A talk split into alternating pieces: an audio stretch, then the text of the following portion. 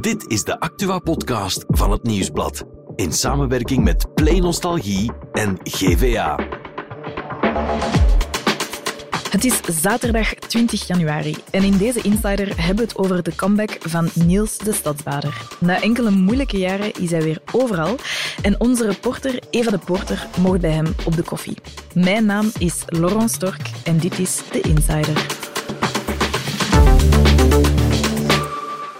Ben er ook gewoon heel fier op, ben er heel trots op. Dus, uh, dus, dus dat. En natuurlijk ook wel een beetje zenuwen, omdat... Je hebt dat sowieso wel, court. Maar we moeten natuurlijk niet flauw over doen dat er de voorbije tijd natuurlijk uh, best wel het een en het ander is gepasseerd of geschreven is geweest over mij of de VRT of samen. Ja, we hoorden Niels de Stadsbader, want je hebt het misschien al gemerkt. Hij staat voor een groot moment. Hij presenteert binnenkort zijn eerste eigen programma op de VRT. En tussendoor neemt hij er eventjes ook nog de Mia's bij volgende week.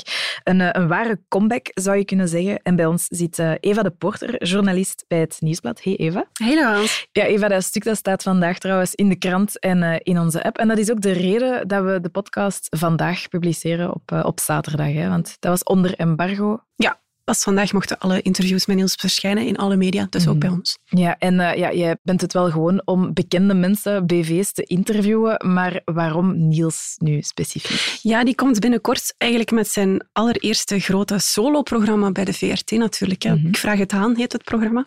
Een groot moment, want er is, zoals hij al zei, heel veel geschreven, heel veel gezegd over hem de laatste ja, weken, maanden. Ja zelfs bijna jaren, want hij is sinds 2021 terug bij de VRT mm -hmm. aan de slag. Dus ja, er is sinds die tijd al veel verschenen over hem. Ja, je zegt 2021. In mijn hoofd lijkt het alsof dat die transfer, want dat is een transfer van de VTM naar de VRT, dat dat hm? eigenlijk afgelopen zomer was, omdat hij niet echt meer op het scherm te zien was, toch? Hij heeft een paar dingen gedaan, maar dat was niet van die orde zoals hij nu gaat doen. Mm -hmm. En dat was meer aan de zijlijn. Dan spreek ik over Radio 2 heeft mm -hmm. hij programma's gepresenteerd. Hij heeft de Zomerhit gedaan met Siska Soeters. Ja. Hij heeft The Greatest Dancer gedaan als coach. En is ook even opgedoken in Villa Sporza tijdens het WK, uh, twee jaar geleden intussen al. Uh, dus hij heeft wel een paar dingen gedaan, maar die vielen niet zo hard op als nu. Het is echt zijn eigen programma. Ja, hij heeft ook een, een reden voor uh, ja, waarom dat het zo lang geduurd heeft. We luisteren eventjes naar een fragment van dat interview met jou. Dus op een bepaald moment ben ik dan van VTM naar VRT uh, gekomen. En dan is het wel zeer gebruikelijk uh, dat iemand die bij een nieuwe zender terechtkomt, dat de beoefening wordt gemaakt, zowel vanuit de zender als van het gezichtszijnde, onder elkaar van oké, wat is mijn rol hier? Wat doen we wel, wat doen we niet? Waar ben ik heel goed in, waar ben ik misschien minder goed in? Wat kan leuk zijn dat mensen misschien nog niet kennen? Of is dat te gevaarlijk? Zodat. En wat is daar het plan? Wat zijn daar de juiste stappen? Hè? Dat is ik vrij logisch. Alleen is het zo dat eigenlijk van bij dag één in mijn geval er heel veel druk op zat. -hmm. En dan denk ik dat dat er misschien ook mee voor gezorgd heeft dat er nog voorzichtiger is omgesprongen met de juiste stappen die we dan zouden zetten. En in plaats van twee vergaderingen, dat er zes vergaderingen waren. In plaats van drie telefoons, twaalf telefoons. Nu, Laurence, ik ga het even reconstrueren. Mm -hmm. um, Niels komt in 2021 vanuit de VTM naar de VRT. Ja. Dat is eigenlijk een proces dat in gang is gezet door Rikus Janssegers, uh, algemeen directeur content bij de mm -hmm. VRT. Uh, die zag wel talent in Niels. Ja. Niet onlogisch, want hij deed dat heel goed bij VTM. Had daar heel veel grote shows, hè, de Masked Singer onder andere. Ja. En bij de VRT wilden ze eigenlijk ook meer zulke programma's gaan maken. Was er een plan? Er zal zeker een plan geweest zijn. Ze waren van plan zulke programma's te doen. Maar tv maken is natuurlijk ook wel een, ja, gewoon een langzamer proces ja. dan bijvoorbeeld hier elke dag content voorzien en, en, nieuws voorzien voor de, voor de site en voor de krant. Dus er moet wel wat tijd over gegaan zijn. We moeten weten welke programma's wil ik maken, wat voor programma's zijn dat dan. Mm -hmm. Er waren ook niet veel mensen op de hoogte van die transfer. Hè. Enkel de mensen die het moesten weten, zeggen ze dan. Ja. Maar ja, als je met weinig mensen bent, ja, dan is het moeilijk om grote plannen te gaan uittekenen op voorhand. Hè. Ja. De timing van mijn overgang was misschien wel was achteraf gezien wel uh, wat ongelukkig. Als je natuurlijk samen met de besparingen van de VRT in dezelfde communicatie, bij wijze van spreken, dezelfde periode de overgang maakt naar hier. En je wordt plots bij heel veel dingen gesleurd waar je echt werkelijk niks mee te maken hebt. En er wordt met uh, cijfers getoverd waar dat ik ze zelf nog altijd, dat ik nog altijd kan zeggen dat is niet klopt. Alleen zo dat allemaal. Ja, dat is niet tof, want dat is totaal niet waarvoor ik naar hier ben gekomen. Ik wil gewoon leuke dingen maken. Ik wil gewoon, hè, zo dat. Mhm. Ja, Niels zegt het uh, zelf. Er was meer aan de gang dan gewoon een hele plotse transfer van de VTM naar VRT. Er was timing, maar ook een probleem rond geld. Hè?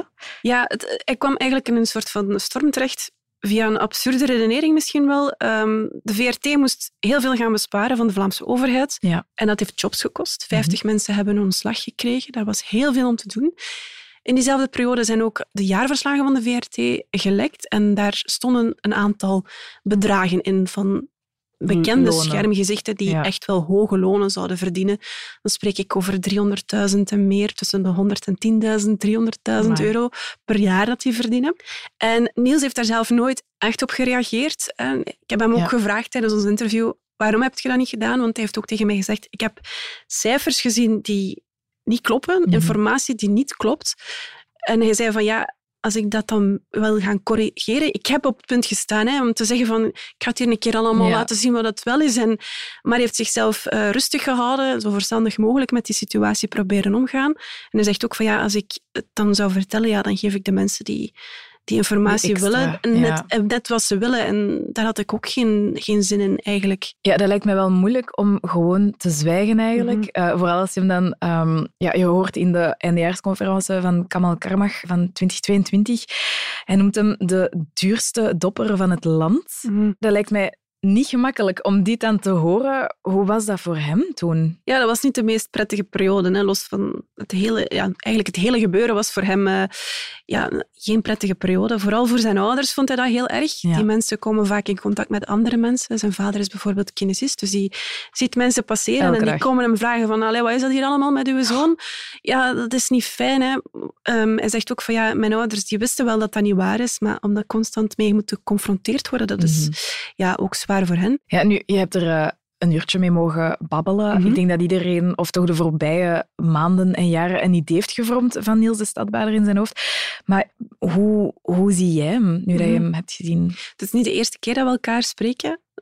Mij komt hij altijd heel vriendelijk, oprecht over. En mhm. ja, hij is gewoon heel normaal eigenlijk.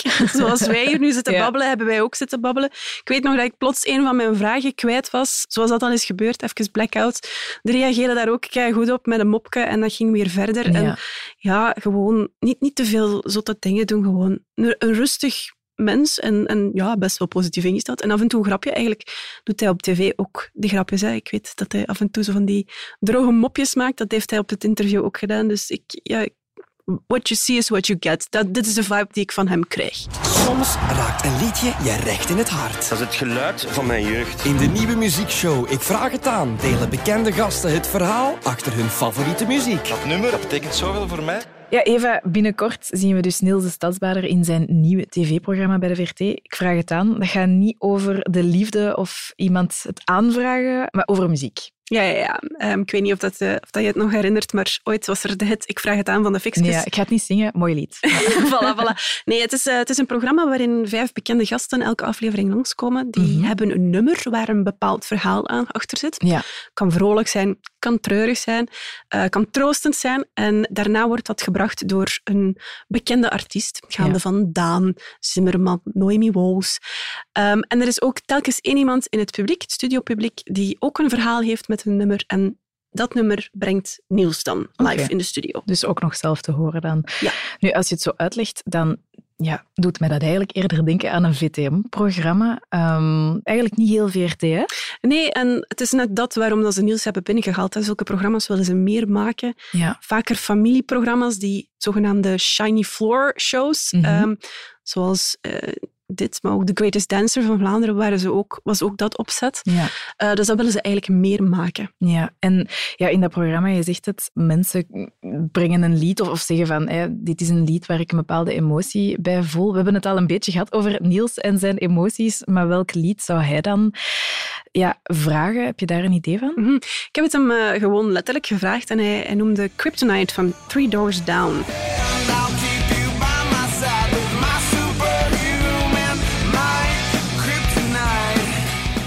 Dat is een goed nummer. Dat is uh, een rocknummer. Het verhaal erbij was uh, zijn, zijn, beste vriend Robbie. Mm Die is in 2012 onverwachts overleden. Ja. Maar daarvoor hij was ook zijn bassist. En die vond eigenlijk... Niels, je bent een goede zanger, maar je mist een beetje rock'n'roll. Ik ga je dat geven. Mm -hmm. In die tijd brachten ze vooral covers van Nederlandstalige bands. Hè, de Kreuners, Clouseau, dat soort dingen. Ja. Um, maar Robbie die stelde voor, Kryptonite van Three Doors Down, laat ons dat doen. Mm -hmm. Schrijf er een Nederlandstalige tekst op. Dat past bij u, doe dat gewoon en dat gaat de max zijn. Um, hij is twee zinnen ver geraakt en toen is Robbie helaas overleden. Dus okay. hij heeft het nooit kunnen afmaken. Ja. Maar dat is wel een nummer dat in zijn hart zit. En dat is het eerste wat hij zei van, toen ik hem vroeg van, wat zou jij kiezen? Dat. You call me strong, you call me weak, but still your secrets I will keep. Nu, zoals dat gewoonlijk gaat bij interviews, we hebben het over nog nummers gehad. Mm -hmm. En uh, toen heeft hij het uh, nummer uh, wat nog komen zou van Bart Peters genoemd als een van de nummers die hij opzet als troost.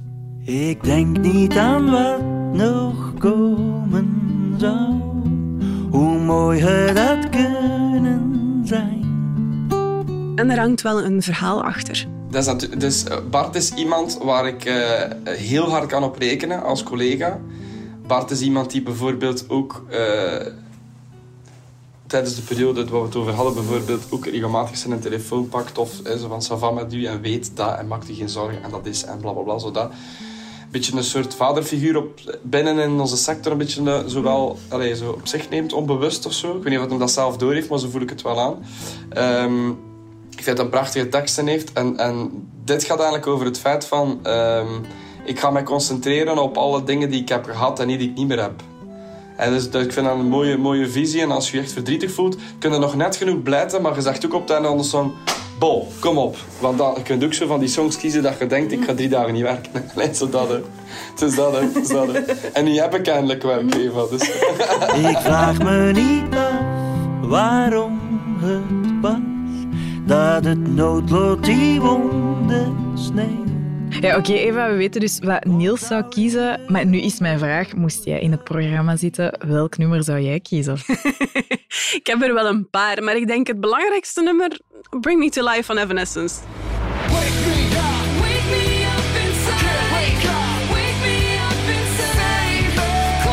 Oké, okay, waarom? Opvallende keuze? Uh, ja, ik, ik weet het. Uh, maar ik grote fan van Evanescence, dat terzijde. Maar ik... Um, ik heb ooit zangles gedaan, een paar jaar. En Mhm. het allereerste nummer dat ik zelf aangebracht had bij de zanglerares, ik wil dat zingen, Bring Me To Life. En ik heb het uh, een, een, twee, drie jaar daarna ook op een podium mogen brengen met een band achter mij, met synthesizers, gitaars, drums. En een publiek van een 500 man op mijn middelbare school. Wat dat een heel spannend moment was. was denk ik een van de eerste keren dat ik live voor zo'n publiek mocht zingen. Ja. Maar ik kijk daar nog altijd met zoveel plezier op terug. Ik vind het fantastisch. ja, Eva, je weet nu, we gaan dat laten horen. Hè. We Ja. kunnen niet anders. Ik heb die beelden gegeven. Hè.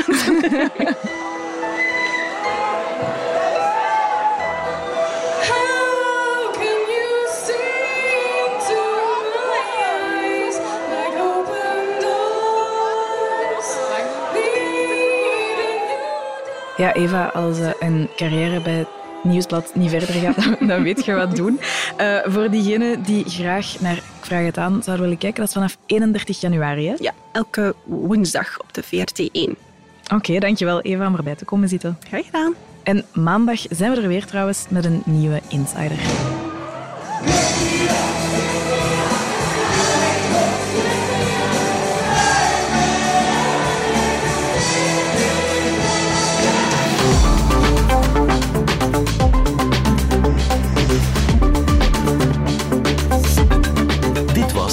The Insider, een podcast van het Nieuwsblad in samenwerking met Play Nostalgie en GVA.